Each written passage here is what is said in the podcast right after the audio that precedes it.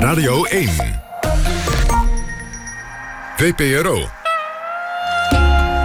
Nooit meer slapen.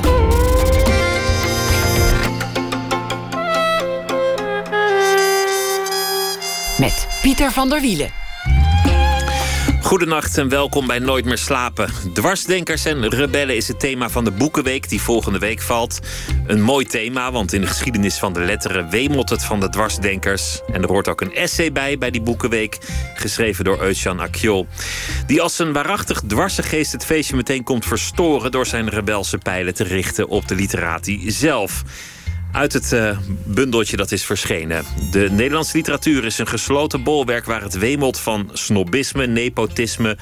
Het is een nieuwe generatie schrijvers die allemaal links zijn. Ze wonen bij elkaar in Amsterdam. Ze zijn allemaal vrienden. Ze hebben meestal niks te vertellen. En om kort te gaan, als er al ontlezing bestaat, dan hebben ze die toch echt aan zichzelf te danken. Oef, en toen ineens was al dat dwarsdenken natuurlijk helemaal niet meer leuk. Er schijnen zelfs al advocaten gebeld te zijn. Niks aan de hand natuurlijk, want uh, die kent controverse, schuwt het ook nooit, krijgt al jaren meer dreigbrieven dan verjaardagskaarten. Maar toch, als er nou één voorbeeld zou zijn om te bewijzen dat literatuur nog ertoe doet, dan zou ik zeggen dat is Eusjan Akjol zelf. Hij was ooit voorbestemd om een kleine crimineel te worden raakte als immigrantenzoon uit Deventer ineens gegrepen door boeken en werd in plaats van crimineel schrijver. En met zijn debuut Eus maakte hij een spectaculaire entree in de Nederlandse letteren. En hij schetst zich ook in als eh, voorbeeld voor jonge scharrelaars om hen te interesseren voor de wereld van het geschreven woord. Eusjan Akjol is komend uur te gast en werd geboren in 1984. Eus, welkom. Leuk dat je er bent. Dankjewel, leuk om hier te zijn. Een steen in de vijver, zou ik zeggen, je, je essay. Ja. Hoe is het ontvangen? Wat, wat is er allemaal gebeurd in je, in je bestaan? Um, sorry, um, ik moet zeggen, ik ben verbaasd dat ik zoveel bijval heb gekregen in de eerste dagen nu. Uh, het essay zelf moet natuurlijk nog verschijnen. Dus, uh, pas, het ging uh, over het tv-optreden en wat, wat weerslag. Hier ja, een aantal kranteninterviews inmiddels. Maar ehm, ik had niet gedacht dat ik op zoveel bijval zou rekenen. Vooral ook omdat ik dacht van heel veel mensen zijn afgestompt. dit thema vinden ze niet meer belangrijk. De literatuur is niet meer sexy genoeg om daar een collectief gesprek over te voeren. Uh, maar ik heb me vergist. Uh, veel bijval. Uh, ja, links en rechts is er ook wel wat zagrijn. Maar dat is uit de verdachte hoek. Dus ik, ik vind dat het lekker gaat eigenlijk tot nu toe, ja verdachte hoek. Je bedoelt dat zijn de mensen op wie je pijlen richt. Ja, kijk, ik, ik heb iets gedaan wat... Uh, ik, ik sprak met een collega van mij, Alex Bogers... die jij natuurlijk ook kent. Uh, een andere schrijver uh, sprak ik hierover. Hij heeft ooit een schotschrift ook geschreven over ontlezing. En hij zei, ik heb heel bewust niet voor namen gekozen. want dan maken de media maken dan meteen zo'n zo'n circus van. Zo'n een soort, fitty. Ja, precies, een bokspartij. En ik heb daar juist wel heel bewust voor gekozen. Niet omdat ik nou zo graag uit was op die fitty... maar omdat ik uh, aan de hand van die namen... die ik toch ook vooral als metafoor zie voor een groter probleem... een punt wilde maken. En je ziet inderdaad dan wel dat mensen... Ja, als je namen noemt, dan zijn ze inderdaad beledigd... en dan gaan ze in een tegenaanval. En dat vind ik alleen maar goed... want dan kunnen mensen naar de verschillende opvattingen... argumenten luisteren en zelf uh, bepalen... wie wel of niet gelijk heeft. Wat in ieder geval blijkt is dat het debat over de literatuur... over de boekenwereld er nog toe doet. Het is niet een duf debat in een, in een hoekje wat, wat niemand kan schelen. Het lijkt nee. erop alsof het wel degelijk iets veroorzaakt. Nee, en dat vind ik eigenlijk, uh, voor zover ik nu een balans kan opmaken... Uh, de grootste winst van dit allemaal. Dat mensen die ook niet werkzaam, uh, werkzaam zijn in de literatuur... dus in een boekhandel of in een uitgeverij... dat die ook hier gedachten over hebben. En dat ze die ook delen op social media, in de mail, weet ik veel waar. dat, ja, dat vind ik toch wel mooi om te zien. En eerlijk gezegd, wat ik ook net zei, had ik niet verwacht. Laten we voor we het gaan hebben over wat je, wat je wil zeggen... toch even hebben over uh, het relletje. Want, want iedereen roddelt, iedereen ouwe hoort... en mensen hebben allemaal verhalen. Is, is het waar dat er advocaten zijn gebeld... dat er boekhandelaren zijn geweest die het weigerden te verkopen? Heb je reacties gehad van, van instanties? Ik, ik hoorde dat de VPRO een, een boze mail aan jou gestuurd zou hebben... Wat, wat is daarvan waar? Wat is er bij jou terechtgekomen? Uh, ja, dan moet ik even kijken op welke manier ik niet de privacy van mensen schend. Um, dit is VPRO toch? Ja, nou vanuit ja. jullie organisatie heb ik inderdaad wel een mail gehad... van iemand die uh, nou, niet zo gecharmeerd was van de manier waarop ik sprak over... Uh, uh, het programma Boeken, dat niet meer bestaat. En uh, nu Mondo, nou, dat klopt, daar heb ik een mail van ontvangen. Uh, maakt verder niet uit van wie die mail kwam. Ik heb ja, goed, dat is nu geen geheim meer. de KBB, dat is de boekenbrancheorganisatie, heeft kennelijk... dat hoor ik nu ook via journalisten en uiteindelijk ook via de organisatie zelf... bij CPMB boos aan, aan, ja, op kantoor gezeten... En gevraagd hoe ze dit konden flikken, dit essay laten publiceren. Want zij moeten er zijn voor de boekhandels. Um, en uh, ja, dat verhaal van die advocaat... dat heeft mij later ook bereikt via die journalist. En dat is, uh, dat is hem ook bevestigd. Dat er onderzoek is gedaan of, uh, of publicatie eventueel verijdeld kon worden. Dus, Do ja. door, wie, door wie is die advocaat ingehuurd? Ja, in elk geval niet door het CPMB, dat weet ik wel. maar ik weet niet door wie die precies wel is ingehuurd. Dat, dat, ik was daar niet bij. Ik heb die verhalen ook niet gehoord uit eerste hand. Maar niet door het CPMB. CPMB is juist op matje geroepen. Maar dat zal niet een hele hoge advocatenrekening zijn geweest. Want elke advocaat kan je in twee minuten vertellen dat een boek van de drukker niet laten verschijnen, zeg maar. Dat de vrijheid van drukpers hier al vrij lang bestaat. En dat nou, is een zinloos iets is. Dat kan ik wel vertellen. En dan moet je even. Je moet me gewoon echt 100% geloven dat het waar is. En dan, maar ik moet mijn bron niet prijsgeven. Maar deze advocaat kreeg ook zelf morele bezwaren. En die ging ook afweging maken. Wat is nu belangrijker voor mij? Uh, mijn beroepsgeheim of uh, wat hier van mij gevraagd wordt... bijna Noord-Koreaanse praktijken om een uh, essay te laten verbieden... omdat de inhoud onwelgevallig is. En uh, daarom heeft hij er wel iets over gezegd, off the record, tegen andere mensen. Ja, sorry dat het een beetje vaag klinkt, maar ik weet dat het zo is gegaan. Dat, dat is allemaal toch wel teleurstellend. Dat, dat mensen die boeken verkopen uiteindelijk er niet tegen kunnen als, als er in een boek iets staat dat ze niet bevalt. Of dat de, de vrijdenkende VPRO ja. ook lange tenen blijkt te hebben als er kritiek komt op, op nou, het programma. Dat, dat van de VPRO, dat, dat, dat, dat, dat... Ik heb die mail niet gelezen natuurlijk. Oké, okay, nou goed, dat was allemaal heel lief en constructief. Dus dat moeten we helemaal niet zo groot okay. maken. Dat is gewoon mensen die hard werken aan iets en die dan gewoon... Um, dat snap ik ook wel weer. Ja, die dan, Bovendien was dat een beetje schoppen tegen een dood paard, want het programma bestaat niet meer. Ja, maar ook het ging ook om Mondo, dat andere cultuurprogramma. En uh, er werd gezegd, er werken mensen heel hard aan het programma. En we zijn pas zeven weken bezig, dus geef ons wat tijd. Uh, wees alsjeblieft een beetje mild. Dus dat snap ik allemaal wel. Ik, ik, ik, ik zou misschien wel hetzelfde doen, daar zeg ik niks Maar dat, dat de mensen boek willen verbieden, of een boek willen verbieden... ja, dat is wel verbijsterend, vind ik. Jij niet? Ja, dat vind ik verbijsterend. Vind ik een vrij impulsieve reactie. Maar misschien bewijst dit allemaal wel dat, dat, je,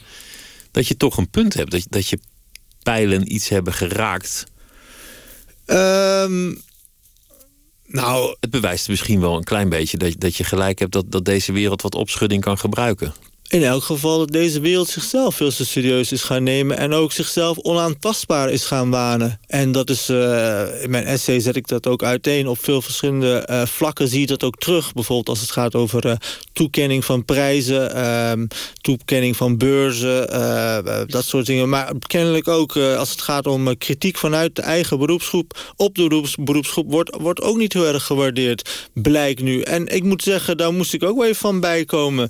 Ik had niet gedacht dat mensen mij zouden aanspreken op de inhoud van mijn essay. Kijk, uh, in het eerste hoofdstuk voer ik iemand op die iets uh, lelijks zegt over uh, lezers van Luciana Riley. Op dit moment nummer 1 en 2 in de bestseller 60. Maar ik heb dat ook gedaan zonder die mans naam te noemen. Niet een eens, boekhandelaar in Veenendaal. Ja, precies. Zonder, zonder, het is ook wederom een metafoor. Maar zelfs daar wordt al zo heftig op gereageerd. Dus allemaal al, ik wist dat de literaire wereld zo hysterisch was. Maar dit is voor mij ook nieuw. Ja. Laten we het hebben over jouw entree in die literaire wereld. Want dat was in 2012. Het begon met een spectaculair optreden bij DWDD. Een, een heel geestig filmpje dat circuleerde. En toen kwam dat geweldige boek, jouw mm debuut. Mhm. dat, dat goed heeft verkocht. Dat, dat prachtig is ontvangen. Eigenlijk zou je zeggen een droomdebuut. Ja, ik heb in daar ieder niet, opzicht. Ik heb daar niet uh, over te klagen. In die zin van, uh, ik heb alles goed gedaan in mijn ogen. Uh, wat je zegt, een droomdebuut. ik had me niet anders kunnen voorstellen. Ik had niet eens kunnen dromen dat het zo zou kunnen gaan. Ehm, maar wat mij meteen al opviel, was dat, dat de manier waarop ik het aanpakte, dat werd niet echt gewaardeerd. Die, die manier werd niet gewaardeerd. Ik, ik, het, het, ik was al binnen twee weken bij columnist Jean-Pierre Gele, was ik al de televisieschrijver. Uh, als een wat, soort wat een soort ja, dédain uitspreekt. Ja, wat trouwens ook wel grappig is... hij heeft mij ook gemaild gisteren om excuses te maken daarvoor. Van als ik je beledig heb, daarmee heus sorry. Ik van, ah, wat is dat toch met jou dat je eerst dat doet de hele tijd... en als ik dan iets van terug zeg, ga je sorry zeggen in de mail. Maar goed, dat terzijde. Dat uh, mailtje gaan we ook niet oplezen. In elk geval, ik was opeens een televisieschrijver... en er werd gezegd, eerst werd er trouwens gezegd... dat ik dat boek helemaal niet zelf had geschreven. Dat dat een uh, handigheidje was van mijn uitgever Mai Spijkers... van uitgeverij Prometheus. Um, dus, dus, dus er zou een ghostwriter zijn. Nou, toen bleek dat ik toch wel erg lekker uit mijn woorden kwam... en ook columns kon schrijven. Dus ik had het boek wel zelf geschreven. Daar, daar waren ze wel van overtuigd. Toen kwam er zo'n beweging die zei van... ja, maar het is allemaal niet gebeurd wat hij zo vertelt. Dus hij zegt wel autobiografisch, maar die jongen heeft gewoon een geweldige jeugd gehad... en die heeft nooit vastgezeten. En toen was het zo dat journalisten zelfs bij mijn ouders gingen aanbellen thuis... om te vragen uh, hoe het nou zat. Ze namen zelfs een tolk mee, want die was uh, kennelijk nodig. Ik weet van andere journalisten dat ze zelfs naar mijn strafblad hebben ingekeken. Want ik heb een strafblad, daar komen we ook gewoon voor uit. Dus op een of andere manier het mocht allemaal niet zo goed gaan of zo. Ik weet niet. mensen wilden dat het allemaal niet klopte. En dat was wel voor, voor mij het moment dat ik even goed om me heen moest kijken... van ja, waar ben ik beland? Wat is dit toch voor een rare wereld? Toch zou je ook kunnen zeggen over jouw debuut... dat het daar juist goed is gegaan. Een uitgever heeft je opgemerkt en uitgegeven. Je boek heeft veel aandacht gekregen, mm. mede door jezelf. Maar, maar toch, iedereen was bereid om erover te schrijven. Het heeft de weg naar de lezer gevonden. En het is juist het bewijs dat er nog boeken verschijnen van schrijvers met een andere achtergrond dan de achtergrond die jij in je, in je essay beschrijft. Ja, maar daarom... In die zin is het juist een, van de voorbeelden van waar het wel allemaal. Uh, ja, maar dan wel echt een, een wat dat betreft, niet, niet om mezelf op mijn schouders uh, of een borst te roffelen of zo, maar uh, kennelijk ben ik in die zin wel een witte raaf dat we zeven jaar na dato nog steeds hier zitten om daarover te praten. Maar we, zitten, we zitten ook hier omdat je een essay hebt geschreven. Ja, maar goed. Ehm, ja, natuurlijk is die ruimte er wel, maar die ruimte wordt niet genomen. Um, ik weet eigenlijk niet precies wat je vraag is, maar ja... Ik, kijk, ik ging er niet met zo'n zo'n plan in. Ik, ik, ging, ik ben een jongen, ik ben 35. En um, ik heb daar vandaag een beetje over nagedacht in de auto. Ik zat midden in die transitie van, uh, laten we zeggen, tekstcultuur naar beeldcultuur. Opeens was er internet toen ik 16 was. Opeens eerst had je huis, toen had je Facebook, Twitter, uh, Instagram kwam later bij. En dat zijn dingen die ik op een vrij natuurlijke manier heb omarmd. Want dat was er gewoon en mijn generatiegenoten gingen daar ook mee om. Maar tegelijkertijd betrad ik ook een uh, beroepsgroep, namelijk die van de schrijvers. En die werd toch over het algemeen bevolkt door oudere mensen. Die waren vooral actief in, dat wereldje.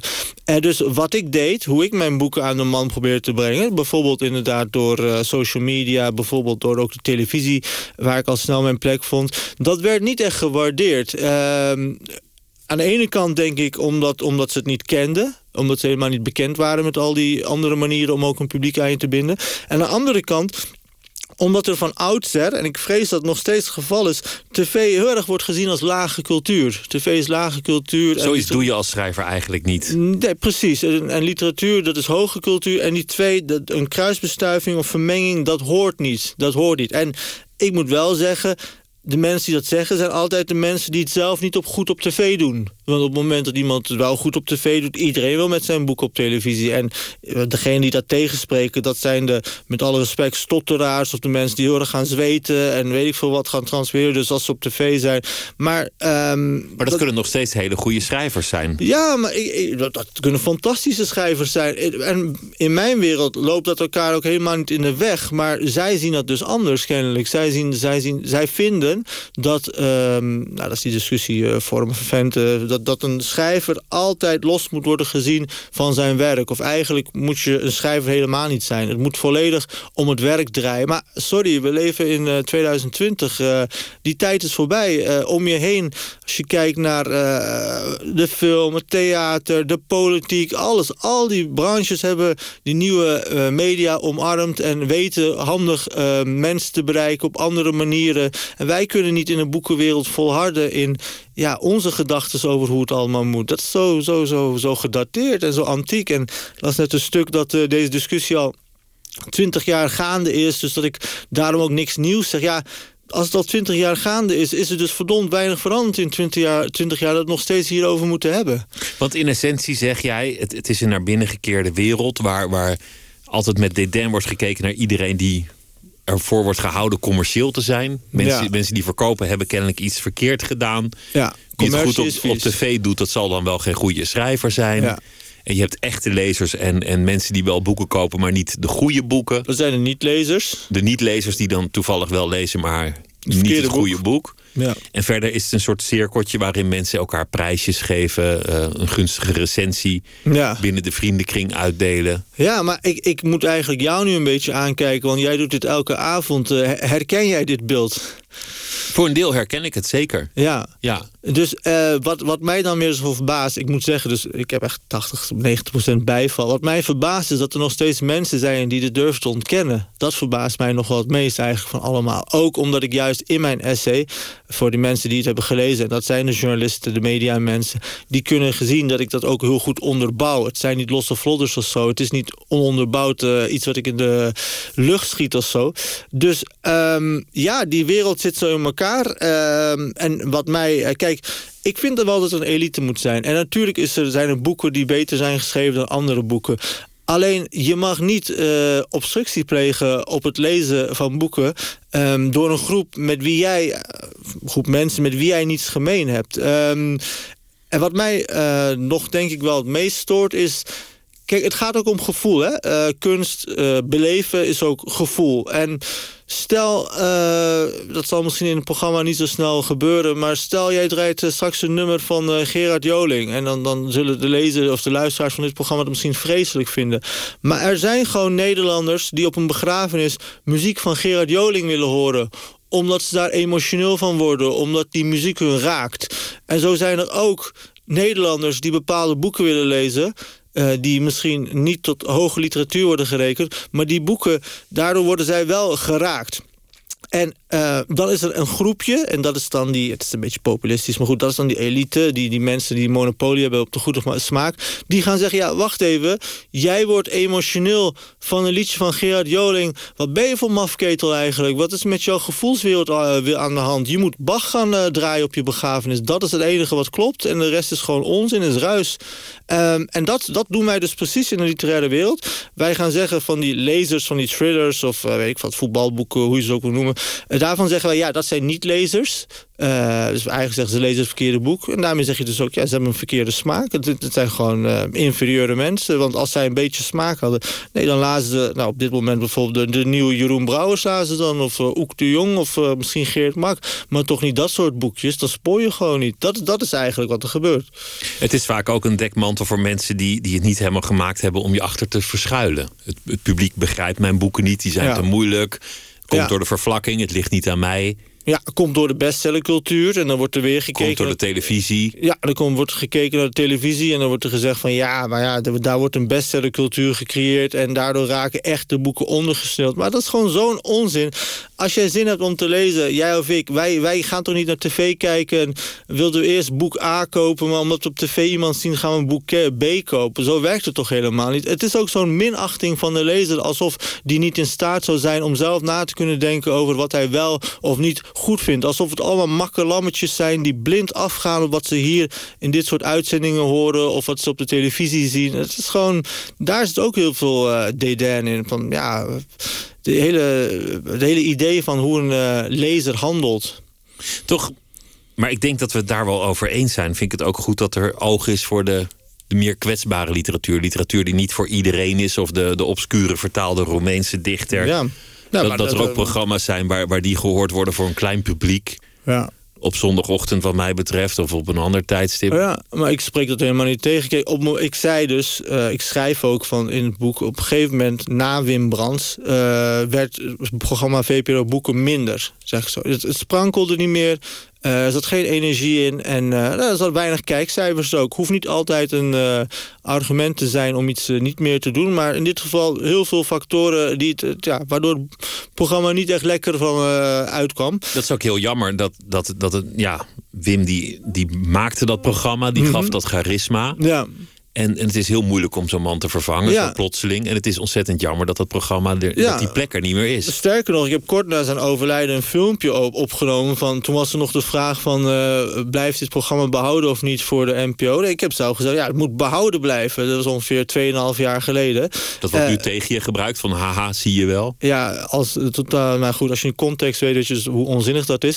Maar, ehm, maar dan zie je hoe zo'n programma zich ontwikkelt. En dan is het niet goed. Maar als ik dat dan signaleer, dan zeg ik niet van...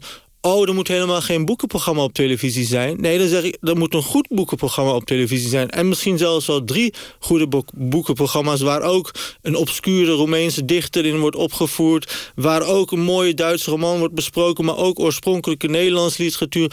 Alleen het mag allemaal wel wervend. Het is niet zo dat je zondagochtend televisie aanzet... en dat je zit te kijken naar een interview... en dat je dan dood wil, weet je. Dat moet het ook weer niet zijn. En dat was wel de sfeer de laatste tijd bij het programma. En dat merkte je ook aan de kijkcijfers.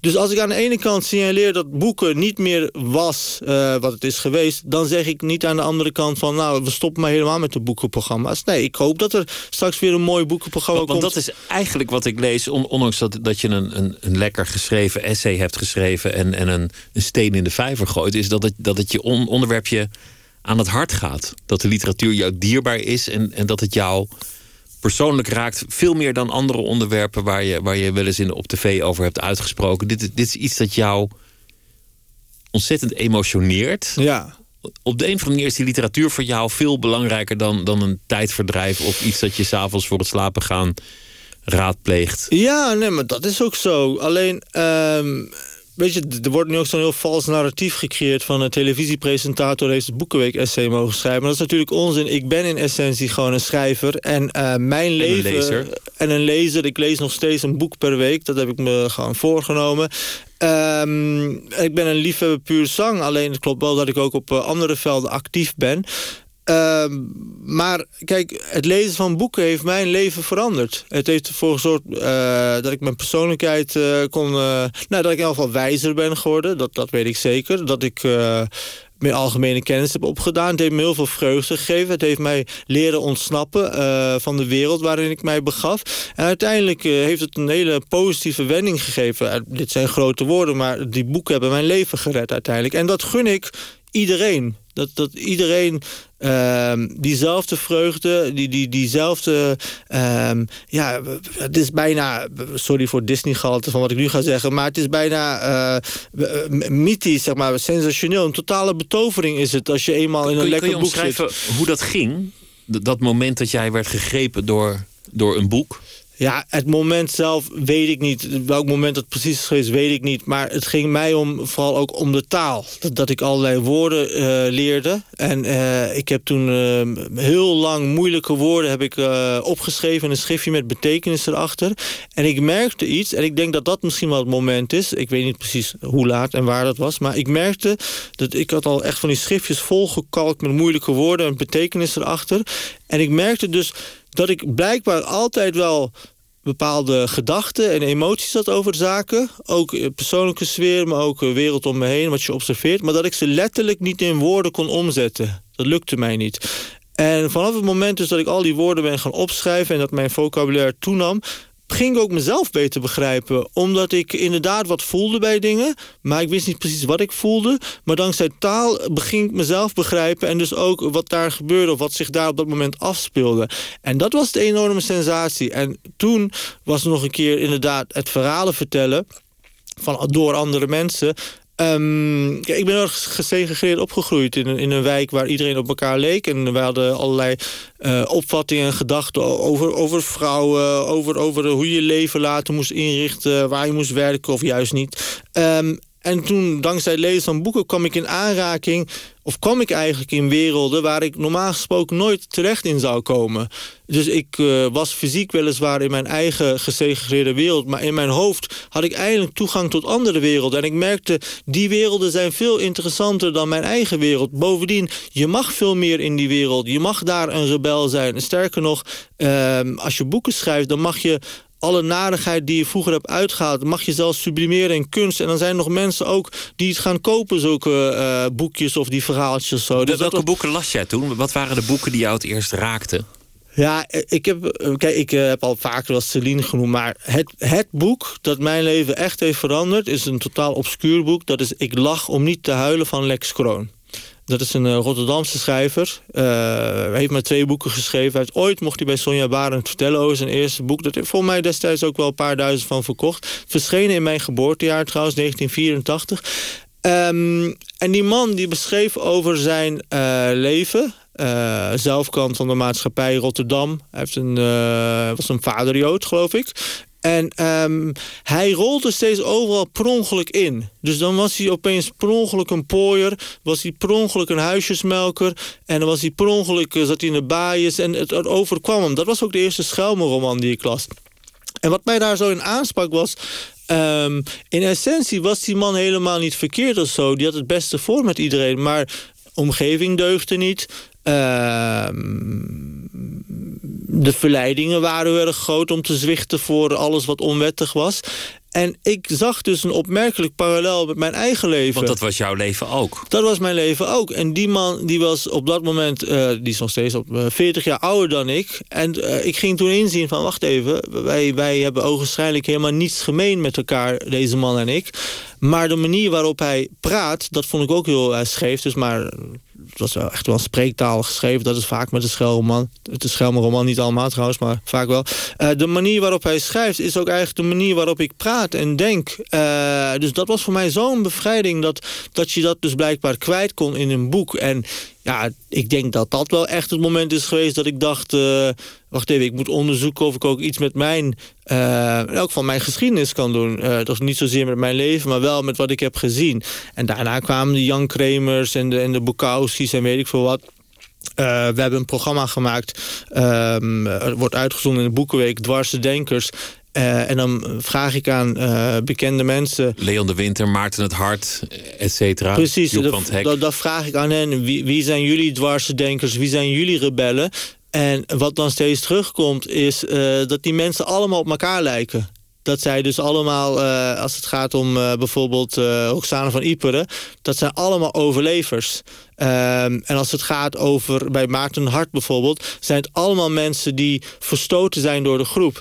En uh, dat was voor mij ook weer inzicht van... ja, mijn favoriete schrijvers zijn allemaal mensen... die uh, ergens bij moesten horen, maar dat lukte niet... en die daarom op zoek gingen naar een eigen ja, eigen weg daar binnen de groep. En ja, daar slaagt het niet altijd even goed in. Dus dan zie je toch wel dat je vaak ook onbewust... Uh, tenminste, dat geldt voor dit lijstje... toch onbewust op zoek gaat naar uh, literatuur... van mensen die toch met eenzelfde worsteling uh, te maken hebben gehad. Ook al lijkt ze totaal niet op jou. het mooiste voorbeeld daarvan was toch wel dat Roxane van Iperen met Toepak kwam. De rapper. en, ze, en ja, ze, ze, ze, weet je, ze bloeit gewoon helemaal op als ze hem hoort rappen en praten... En en ze vindt hem geweldig, een soort halfgod. En ik van, ja, maar ik begrijp precies wat jij bedoelt. Want ik had het ook met Toepak. Ik was dit, ook... dit, had ook een essay kunnen worden wat je nu vertelt. Ik hoor hier meteen al een prachtig essay in over, over het dwarse denken. Ja. Misschien was dit wat het CPNB stiekem hoopte toen je dit... Uh, ja, die opdracht weet, kreeg. Ik, ik, weet niet wat er allemaal bij het CPNB op dit moment Maar, maar je, was, je was vermoed ik niet heel goed als crimineel omdat je in de gevangenis hebt gezeten. Dus je bent ja. vrij vroeg in je loopbaan opgepakt. Dus laten we ervan uitgaan dat je daar niet echt talent voor had. Ja, het was een huis van bewaring, is een kleine nuance. Maar um, nou, ik was gewoon een meeloper in die fase. Ik was 18 en mijn broer uh, kreeg verkering met een uh, meisje uit de zigeunerbende. Uh, het was een familie, maar werd een zigeunerbende genoemd. En ik, ik was, ja, ik, ik heb geen talent voor criminaliteit of wat dan ook. Ik ben wel... Maar denk... wat was het? Waar, waarom wilde je het? Was, was het een... een zoeken naar erkenning of, of naar een, een plek van aandacht? Nou, het was denk ik al wel eerder zichtbaar, dit nog voordat het echt crimineel werd. Uh, toen wij 16 jaar waren, uh, moest ik, we waren laatste herinneringen aan het ophalen tijdens een kinderfeestje. Ja, dat doe je tegenwoordig uh, als je kleine kinderen hebt. Ehm, wij, wij gingen op 16-jarige leeftijd gingen wij al in de binnenstad van Deventer gingen wij verkeersborden uit de grond trekken, s'nachts na het uitgaan. Dus iedereen was aan het zuipen en weet ik veel wat. En wij trokken dan verkeersborden uit de grond. En die gingen we dan weer elders weer terugstoppen de grond. Waardoor de hele binnenstad van Deventer of niet toegankelijk was voor verkeer. Want hadden wij dan zo uh, ingericht. Of juist als je, als je één straat van één kant inreed... had je de indruk dat het eenrichtingsweg was. En de andere kant ook. Dat hadden wij dan bedacht. Dan zouden ze dan ergens halfwege tegen elkaar, niet tegen elkaar aanrijden. Want je ziet elkaars uh, koplampen natuurlijk.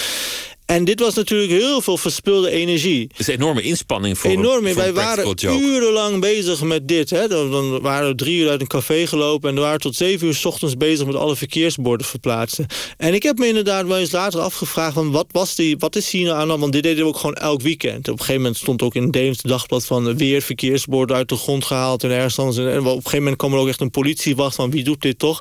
Um, en ja, je, je zei het al een beetje.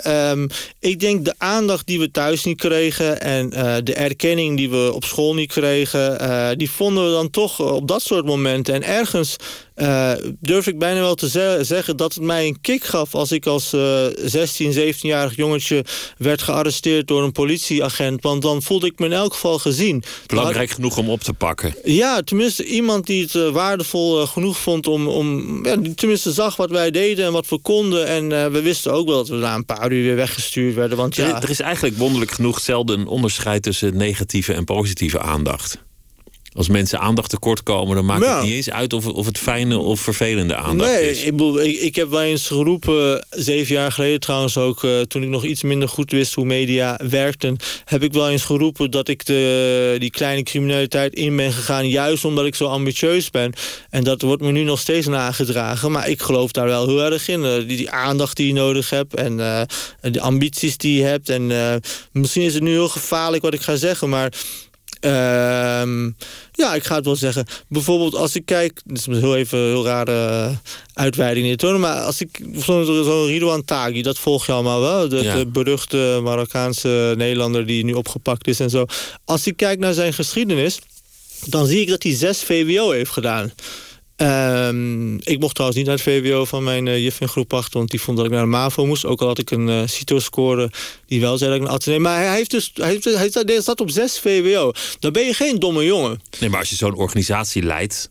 Dan nee, ben je ook niet dom. Nee, dan ben je ook geen domme jongen. Dus uh, weet je, het is totaal verderfelijk uh, waar die jongen voor staat... en wat hij allemaal heeft gedaan. Dat moet natuurlijk al bewezen worden, maar uh, we kunnen ervan uitgaan dat hij heeft gedaan. Maar hij is geen domme jongen. Alleen, hij heeft niet de juiste prikkels in zijn leven gehad om zijn talenten, om zijn energie, om uh, dat allemaal... en misschien ook niet de juiste moraliteit meegekregen... om dat allemaal in te zetten voor iets goeds. Hij had ook een uitgeverij kunnen bestieren. Hij had ook misschien wel een productiemaatschappij kunnen leiden. Uh, maar hij koos ervoor om uiteindelijk zo'n uh, criminele bende te gaan leiden. Maar dan, dan zie ik dat soort jongens. En dan moet ik weer denken aan de literatuur. En daarom, daarom signaleer je denk ik terecht dat dit onderwerp mij wel raakt. Van, ik was echt niet de meest uh, het meest slimme kindje bij mij in de groep of zo. Er waren kinderen veel slimmer dan ik. Uh, er waren ook uh, kinderen die veel meer meemaakten thuis. Um, en ik weet hoe het met hen is afgelopen. sommigen zitten in de wiet, anderen zitten in de baaiers, anderen hebben een uitkering. Sommigen doen ook gewoon normaal nobel werk op een kantoor of zo. Dus, maar ik dus denk... dit is waarom het je zo... Maar, maar voor, voor wie net aanschakelt, uh, Eusjan Akjol zit hier tegenover me vanwege het essay voor de Boekenweek. wat opvalt, is, is dat die ambitie nooit minder is geworden. Die, die enorme drive die jij hebt om, om te schrijven, om, om discussies aan te gaan, om optredens te doen, ja. om in de aandacht te zijn, ook om strijd aan te gaan met, met mhm. allerlei mensen. Jouw leven bestaat voor een heel groot deel uit ambitie en gevecht. Ja, uh, ambitie, gevecht. Uh, ik uh, ben voor de overlevers. Uh, ik, ik, juist omdat ik dit van binnenuit heb meegemaakt... en dit is misschien dan wel psychologie van de koude grond... maar als het gaat om bijvoorbeeld categorisch één lezersgroep uitsluiten... dan moet ik weer heel erg aan mezelf denken... Uh, ik denk van ja, wij werden vroeger ook buitengesloten... en nu worden lezers buitengesloten omdat ze het verkeerde boek lezen. Uh, dat, dat zit er volgens mij ook wel in. Dan wordt van mij gezegd van... ja, maar jij hebt makkelijk lullen, jij hoort nu ook bij de elite. En dat, klopt helemaal. Ik heb een boekenweek-essay geschreven, ik presenteer programma's, dat klopt helemaal. Maar dat betekent niet dat je moet stoppen met achterom kijken... met wat er allemaal achter je is gebeurd en wie je achter hebt gelaten. En dat je alleen nog maar vooruit moet kijken. En dat zit volgens mij ook heel erg in dit essay... En daarom verwijt ik het ook mensen dat zij het hele ja, het spel of het wereldje, hoe je het wil noemen... dat zij dat eenmaal verzieken. Als je het gaat dichttimmeren... een voorbeeld daarvan is uh, nou, bijvoorbeeld de literaire juries... dat collega's elkaar gaan nomineren voor een uh, literaire prijs... terwijl er in dat jaar gewoon evident mooie boeken zijn geschreven. Ik kan bijvoorbeeld niet begrijpen waarom uh, Jaap Robben met Birk nooit een prijs heeft gewonnen... die het echt toe doet. Dat is gewoon omdat hij niet de juiste vrienden heeft. Omdat hij pas later is aangesloten... En dat hij bij Nijmegen over de Duitse Nijmegen, grens. Nijmegen inderdaad, ergens bij de Eifel geloof ik. Dat is gewoon, als je erover na gaat denken, is gewoon te ziek voor woorden. Want dat is een van de beste romans die de afgelopen tien jaar in Nederland is geschreven.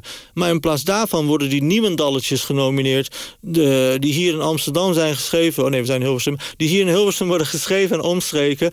Um, dus ja, nee, maar dat daar, daar zit, je, daar zit jouw woede. Maar goed, Albert Camus, mijn, mijn, favoriete schrijver aller tijden... werd ook al buitengesloten omdat hij uit Algerije kwam... en in de Parijse cirkels werd gezien als een, als een pied noir en een, en een arme jongen. Dus, dus het, het, is altijd gebeurd. Die neiging zal er altijd zijn. Ja, maar het is ook stuitend hypocriet. En uh, ik begin niet voor niets mijn essay met een citaat van uh, Bomans... Uh, Bomans uh, werd, uh, werd nou, iedereen waardeerde Bomans ook. Ook Harry Moelis waardeerde. Hij was gewoon een geliefde man. Ik kon je er goed bij hebben op feesten en partijtjes. Een stukje schrijver werd hij genoemd. Een stukje schrijver en die sprookjes. En hij wist zijn weg te vinden op tv en radio, eigenlijk wat ik nu ook heb. Maar als het ging om wat hij schreef, dan werd gezegd... ja, maar nee, dat, dat is, geen, dat is geen literatuur. Dat, dat zijn verhaaltjes, sommigen noemen het zelfs lectuur. En wat hem eigenlijk het meest werd verweten is dat hij te vaak op televisie was. Dat hij een soort, als, als een nar gedroeg hij zich uh, door het medialandschap, een boekenlandschap. En dat werd toch niet gewaardeerd. Een broodschrijver. Een broodschrijver, nou nee, ik denk dat, ja, weet niet, ik weet niet of dat zo gezegd is, maar zo zie ik het niet. Maar wat mij, dus ik heb het, ik heb het over hypocrisie. En nu, uh, vorig jaar is een dundruk uh, uh, de brandmeester verschenen van zijn beste verhaaltjes. En dan lees ik in NRC briljante stylist. En dan lees ik in Volkskrant fenomenale schrijver, een uniek mens, uniek schrijver, dit en dat. En denk ik van ja die man heeft de hele, zijn hele leven gehoord dat hij minderwaardig is... en dat hij niet uh, volop mag meedoen in de literaire wereld omdat hij op tv is. En nu na zijn dood... Kijk, het zijn natuurlijk niet precies dezelfde mensen... maar het is wel dezelfde stroming die hem dan weer uh, recenseert en uh, analyseert. En nu na zijn dood, zoveel jaar na zijn dood... wordt hij toch omarmd, toch maar wel. Ik denk van ja, zo werkt het niet. Die kinderzinnen de jaloezie uh, vanwege zijn succes was er toen. Daarom hebben jullie hem buiten gesloten. En nu hij dood is en dus onschadelijk... wordt hij alsnog gerehabiliteerd. En daar het heeft, het heeft jou dus ook geraakt dat, dat het jou gebeurde. Ik denk, ik denk jou, jouw, boek ging, jouw tweede boek ging over jouw vader, ja. Curis. Je, je, lijkt zo op die man. Mm -hmm. je, je, rekent met hem af. Mm -hmm. je, je hebt volgens mij oprecht een hekel aan, aan de man gekregen gedurende ja. je leven. Een ja. man die, die dronk, die... die vreemd ging, die schuin marcheerde, die ja. jou niet zag, die jou niet erkende, die jou kleineerde. Ja. Een, een enorm gevecht gehad tot je het contact verbrak en eindelijk je eigen leven kon gaan leiden. Mm -hmm. En to toch lijkt hij nog, nog in je te zitten. Ja, en... Het lijkt soms alsof je nog strijd met hem voert, maar het lijkt ook soms alsof je te veel op hem lijkt. Nou, nu ga je heel erg op de stoel van de psycholoog zitten. En daar maar... heb ik niet voor gestudeerd nee. en daar word ik ook niet voor betaald. Nee, ik strijd niet tegen hem, maar ik ben me wel steeds meer bewust van dat ik inderdaad nog meer op hem lijk dan ik dacht uh, na de verschijning van mijn tweede roman. Uh, want zeg maar, die woede of die irritatie, hoe je het ook wil noemen... Uh, die hier in dit essay zitten... De, ik, ik, moest denken aan een anekdote. In Deventer heb je dan een soort vereniging voor de Alewieten. Dat is een religieuze minderheid in Turkije. Je hebt Soenieten en je hebt Alewieten. En mijn ouders zijn Alewieten. En dan moet iedereen één keer per jaar, die hebben honderden leden... en eigenlijk kom je dan één keer in drie jaar kom je eigenlijk pas aan de beurt... moet je een keer kantinedienst draaien. En dan moet je dan twee weken kantinedienst draaien. En uh, drie jaar lang, vanaf het moment dat ze begonnen... was een omzet gemiddeld uh, 1000 euro per week ongeveer. En toen was mijn vader eindelijk aan de beurt. Dat was dus na drie jaar uh, moest hij een keer de kantine omzet draaien. En toen was de omzet in die week 4000 euro.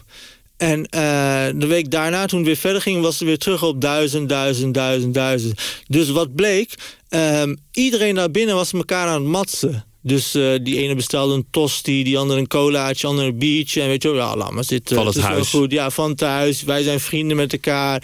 Uh, we kennen elkaar. Je bent mijn neefje, je bent mijn buurman. Maar hij was totaal, of hij is totaal niet behaagziek. Dus hij ging iedereen zeggen, wat? Nee, jij bestelt vijf koffie. Ja, dan moet je ook vijf koffie betalen, anders flik je maar gewoon op. Zo praat hij tegen mensen. Mijn moeder heeft het ook gezien. En ik moest dat laatst horen. Eh, ik, ik hoorde laatst het verhaal. En toen moest ik weer daaraan denken van ja hij, was ook, of hij is ook niet behaagziek. En dat maar is hij dan heel principieel dat hij vindt dat mensen moeten betalen... of vond hij gewoon niemand aardig? Nee, hij is heel principieel. Hij is heel principieel. En ik denk dat dit ook terug zit in het essay. Ik ben heel principieel. Kijk, er zijn mensen in dat essay... Uh, die, die zich misschien beledigd voelen door mij... omdat ik hun naam noem bijvoorbeeld... of omdat zij uh, horen bij een organisatie. Maar het gaat mij niet om hen persoonlijk. Het gaat mij om het principe. Je kan niet... Uh, je, kan niet je, je, je, kan je beste vriend een prijs geven. Nou, je kan niet je collega die nog een keer bij dezelfde fonds zit... gaan recenseren in de krant waar jullie beide regelmatig in publiceren. Dat kan gewoon niet. Dat zou tegen mijn principe zijn. Dat, dat kan ik gewoon niet doen. Um, ik presenteer ook een radioprogramma, zoals je weet. Ik ga niet schrijvers uitnodigen met wie ik bevriend ben of die ik ken. Dat doe ik gewoon niet, want dan voer ik gewoon een poppenkast op.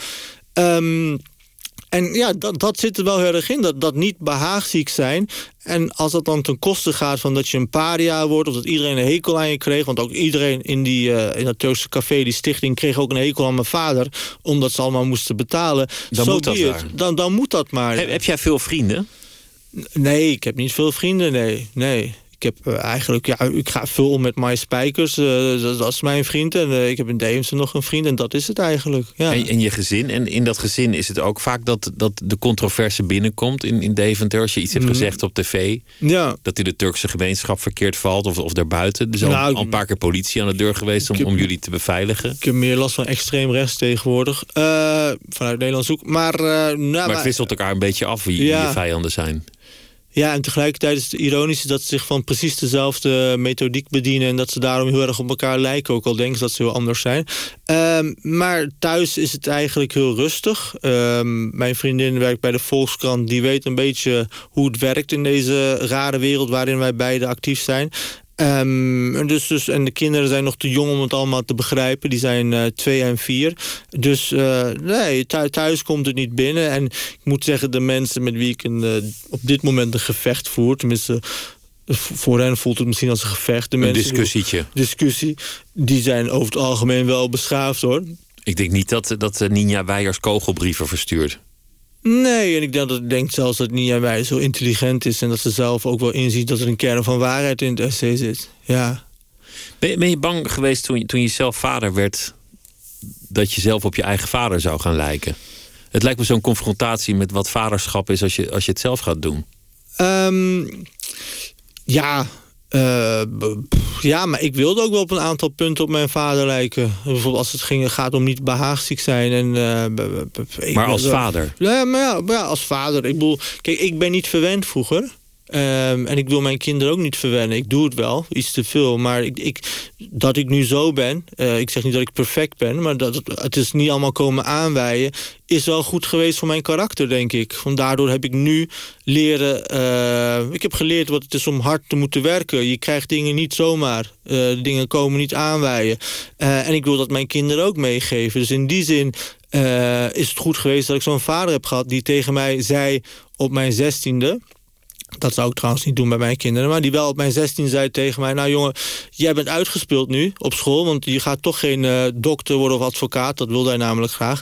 En uh, ik zat op een MAVO. Dus uh, zoek het maar uit. Ik ga niet meer jouw studie betalen. En dan moet je zelf redzaam worden. Dan moet maar, je... maar jij lijkt mezelf eerder, schat ik zo in hoor... een vader die, die de grootste teddybeer koopt omdat hij die mooier vindt dan de kleine. Dat klopt, dat klopt. En uh, daar hebben wij ook gesprekken over met mijn vriendin... die uh, heel ironisch uh, schrijft over opvoeden voor de Volkskrant. Um, en um, wat ik ze vooral mee... Kijk, materialistisch, omdat ik zoveel ontberingen heb gekend... geef ik ze inderdaad, uh, koop ik alles voor ze. En geef ik ze ook alles wat ze willen. En uh, ik, ik, verdien heel veel geld, het is onbescheiden om te zeggen... maar ik heb geen slechte gewoontes, geen drank, drugs, weet ik veel wat, gok niet. Dus dat kan ik lekker allemaal in mijn gezin stoppen.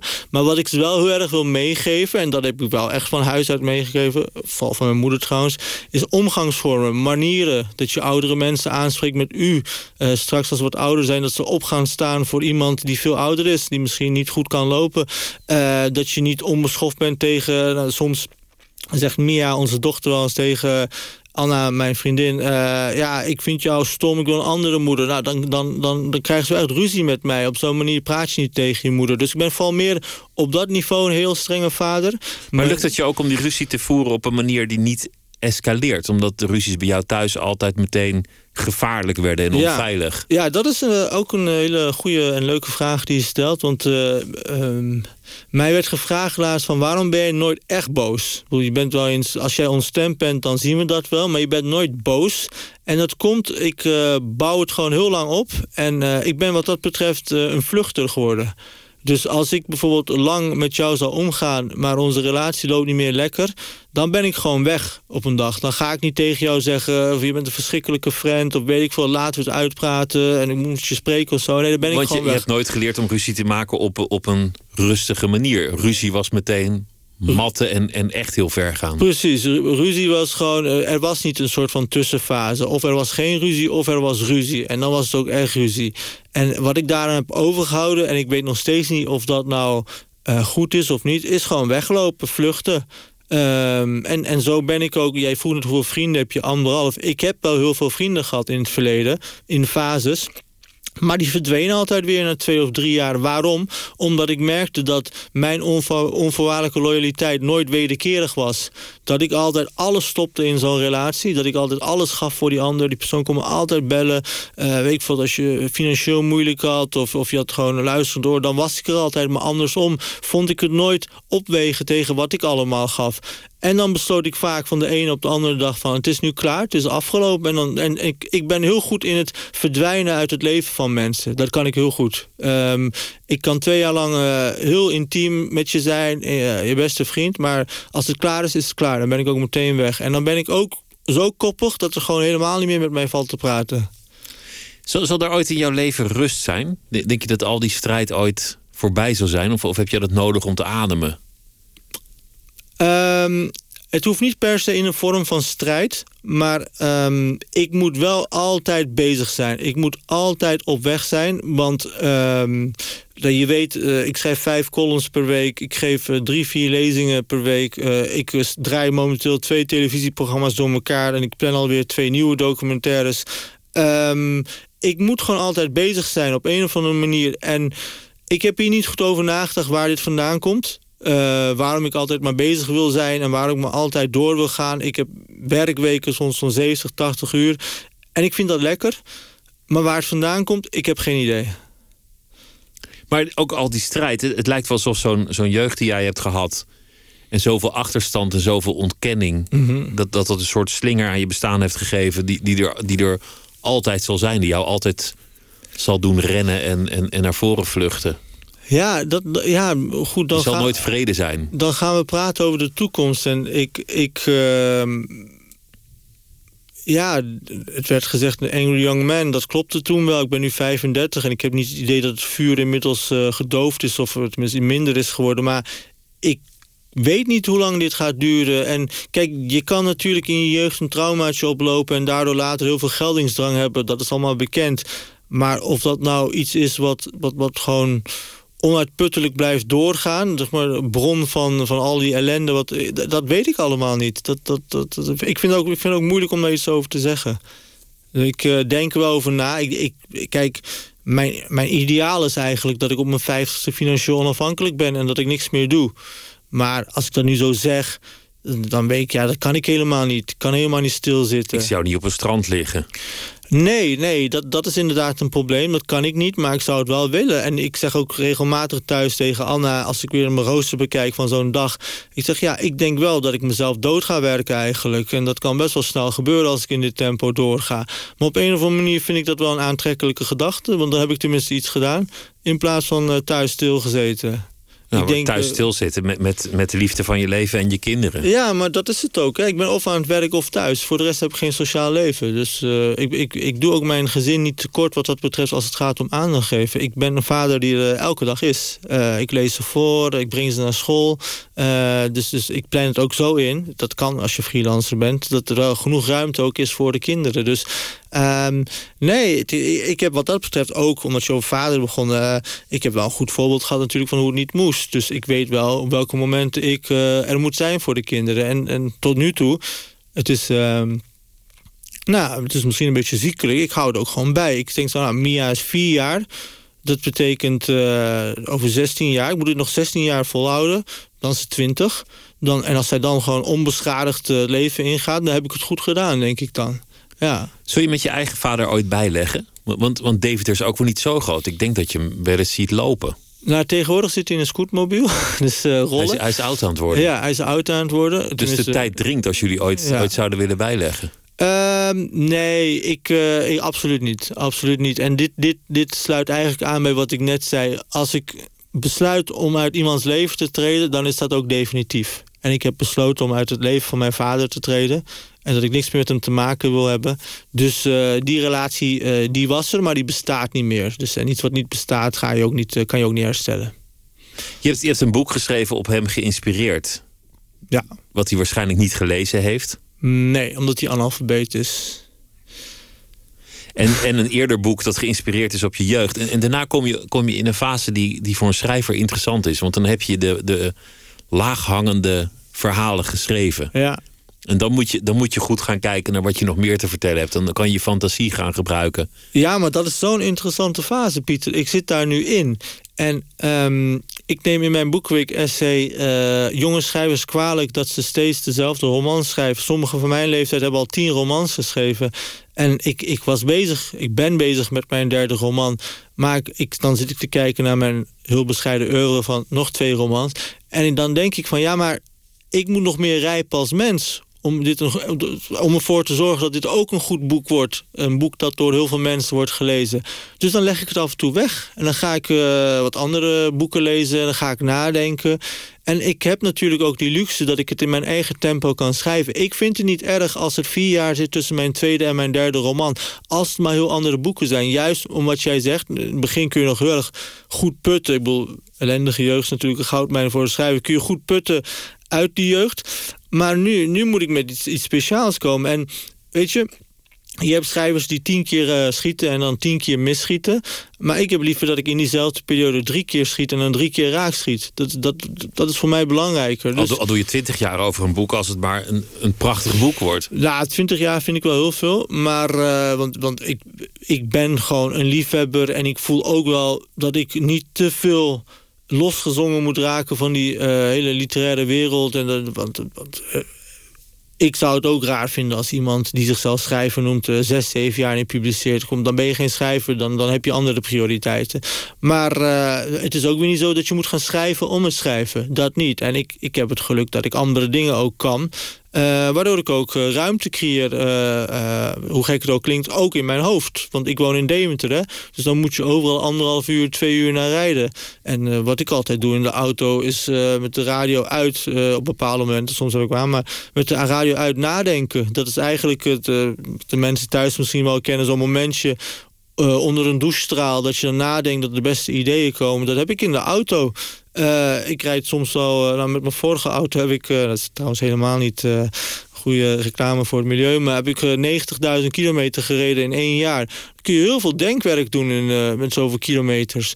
Dus, dus die auto is voor mij echt een een soort, uh, soort, soort uh, broedplek waar, waar het allemaal gebeurt, waar het allemaal ontstaat. En dat kan alle kanten op gaan. Soms zijn het columns, dan zijn het tv-programma's, dan is het radio. Dan zijn dus, het... dus dat is misschien ook wel een van de redenen waarom je zo aan Deventer verknocht bent? Het is misschien niet de meest praktische plek om te wonen. Nee, helemaal niet. Vooral deze week, jongens. Ik, ik moet uh, deze week zes keer in Amsterdam zijn en ik woon in Deventer. Dus het is helemaal niet praktisch, nee. Maar is het ook om afstand te bewaren? Dat, ja. dat, je, dat je niet bij dat wereldje hoort waar, waar je niet zo van houdt? Ja, nee, daarmee sla je de spijker helemaal op zijn kop. Ik heb hier namelijk wel 13 maanden gewoond in, uh, uh, in het westen. En uh, toen merkte ik uh, dat, dat het al... ja, je wordt al snel... Je wordt, vooral als je in de literaire wereld wordt, je snel, je wordt er ingezogen. Want ze vragen dan of je misschien een eerste exemplaar... van iemands roman in ontvangst wil nemen. Of dat je zitting wil nemen in een jury. Wel ironisch trouwens, omdat het daar ook over gaat in het essay. Of dat je iets wil zeggen op de boekpresentatie van iemand. Dus voor je het weet ben je onderdeel van dat wereldje dat ik zo hekel. En, um, en, en, en ik voel me daar ook niet prettig bij. Want ik ben sowieso niet graag onder mensen. Dus ik vind dat boekenballen zo vind ik allemaal ook verschrikkelijk. Ik hou ook niet echt van intermenselijk contact, om even zo te zeggen. Ga je er wel heen? Ik heb aanwezigheidsplicht. Maar Omdat je de essayist bent? Ja, maar ik hoop wel dat het coronavirus goed in het eten gooit. Ik denk dat het... Uh, ik denk dat het anders een, een, beetje grimmige avond wordt... als ik zo die eerste reacties lees van sommige schrijvers. Dan, dan... Ja, maar weet je, dat moet je ook kunnen relativeren. Ik vertel in mijn essay dat die schrijvers heel klein zijn. Dat ze niets voorstellen, dat ze geen lezerspubliek hebben. En dan mogen zij al met z'n allen gaan reageren in de krant. Denk je nou echt dat die hele grote groep mensen... die miljoenen Luciana Riley-lezers... dat die nou die tekst hebben gelezen die in de Volkskrant stonden vandaag... en die denken van, oh ja, nee, nu ben ik toch op andere gedachten, gebracht. Uh, ik moet toch misschien uh, iets anders tegen het leven aankijken. Dat is allemaal, dat is allemaal onzin. Het is allemaal maar, maar je, hebt, je hebt kans dat er is nog best kans dat, dat met dat corona dat het hele feestje niet doorgaat. Nou, dat is eigenlijk wat ik bedoelde met uh, ik hoop dat coronavirus goed in het eten gooit, dat het boekenbal niet doorgaat. Dan kan ik Dan hoef je niet, kan je in Deventer blijven. Precies, dan ga ik lekker uh, s'avonds tv kijken met mijn vriendin of een lekker boek lezen. Vind ik net zo leuk. Je hebt een steen in de vijver gegooid en, en uiteindelijk gaat het over, over één ding, namelijk de liefde voor het woord. Ja. Voor de letteren en wat dat kan betekenen in een leven als je ja wel leest en wel daardoor ja. gegrepen wordt. En ik hoop dat al die narcisten die zich nu aangesproken voelen... en denken dat dit persoonlijke aanvallen zijn... dat die het kunnen relativeren en dat zij alleen metaforisch worden opgevoerd... en dat het me echt niet om hen gaat. Want uh, iemand die nu uh, uh, boeken schrijft... die ik dan kwalificeer als inwisselbaar... die is zelf ook inwisselbaar. En over drie jaar komt weer iemand anders die inwisselbare boeken schrijft. Dus ik heb het over een heel systeem. Ik heb het niet over mensen. Ik hoop dat de mensen van het essay, die het essay gaan lezen... dat ook op die manier gaan begrijpen. Je raakt ook de boekhandelaren. Dat, dat, dat zijn toch vaak mensen die ploeteren met veel liefde voor het vak en voor weinig geld. Ik wil je meteen corrigeren. je raakt er eentje ik raak er eentje en de boekhandelaren... dat is zo'n geromantiseerd beeld vanuit de boekenwereld ook.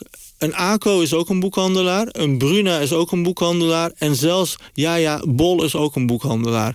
En uh, dan wordt er wel eens gezegd van... ja, maar dat hele commerciële partijen, dat groene monster, et cetera.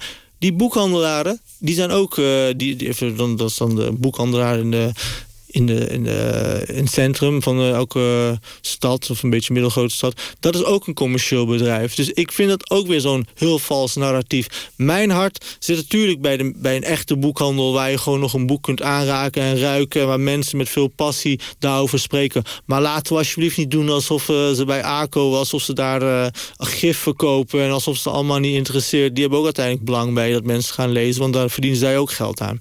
Ik wens je heel veel plezier tijdens de Boekenweek. En komend weekende verschijnt het Boekenweek-essay. En dat zal dan ook uh, te krijgen zijn.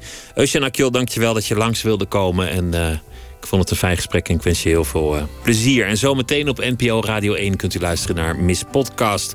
met Misha Blok en Nooit meer slapen is er morgen weer. Een hele goede nacht.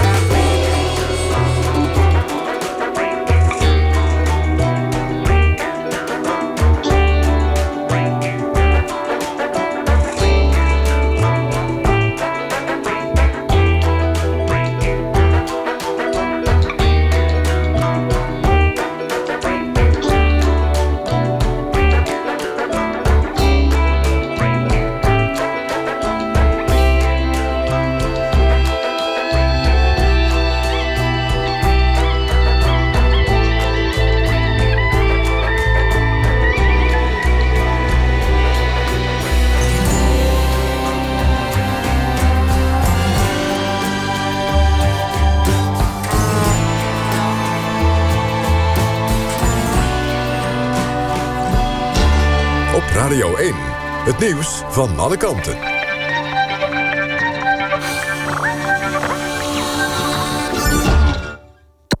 NPO Radio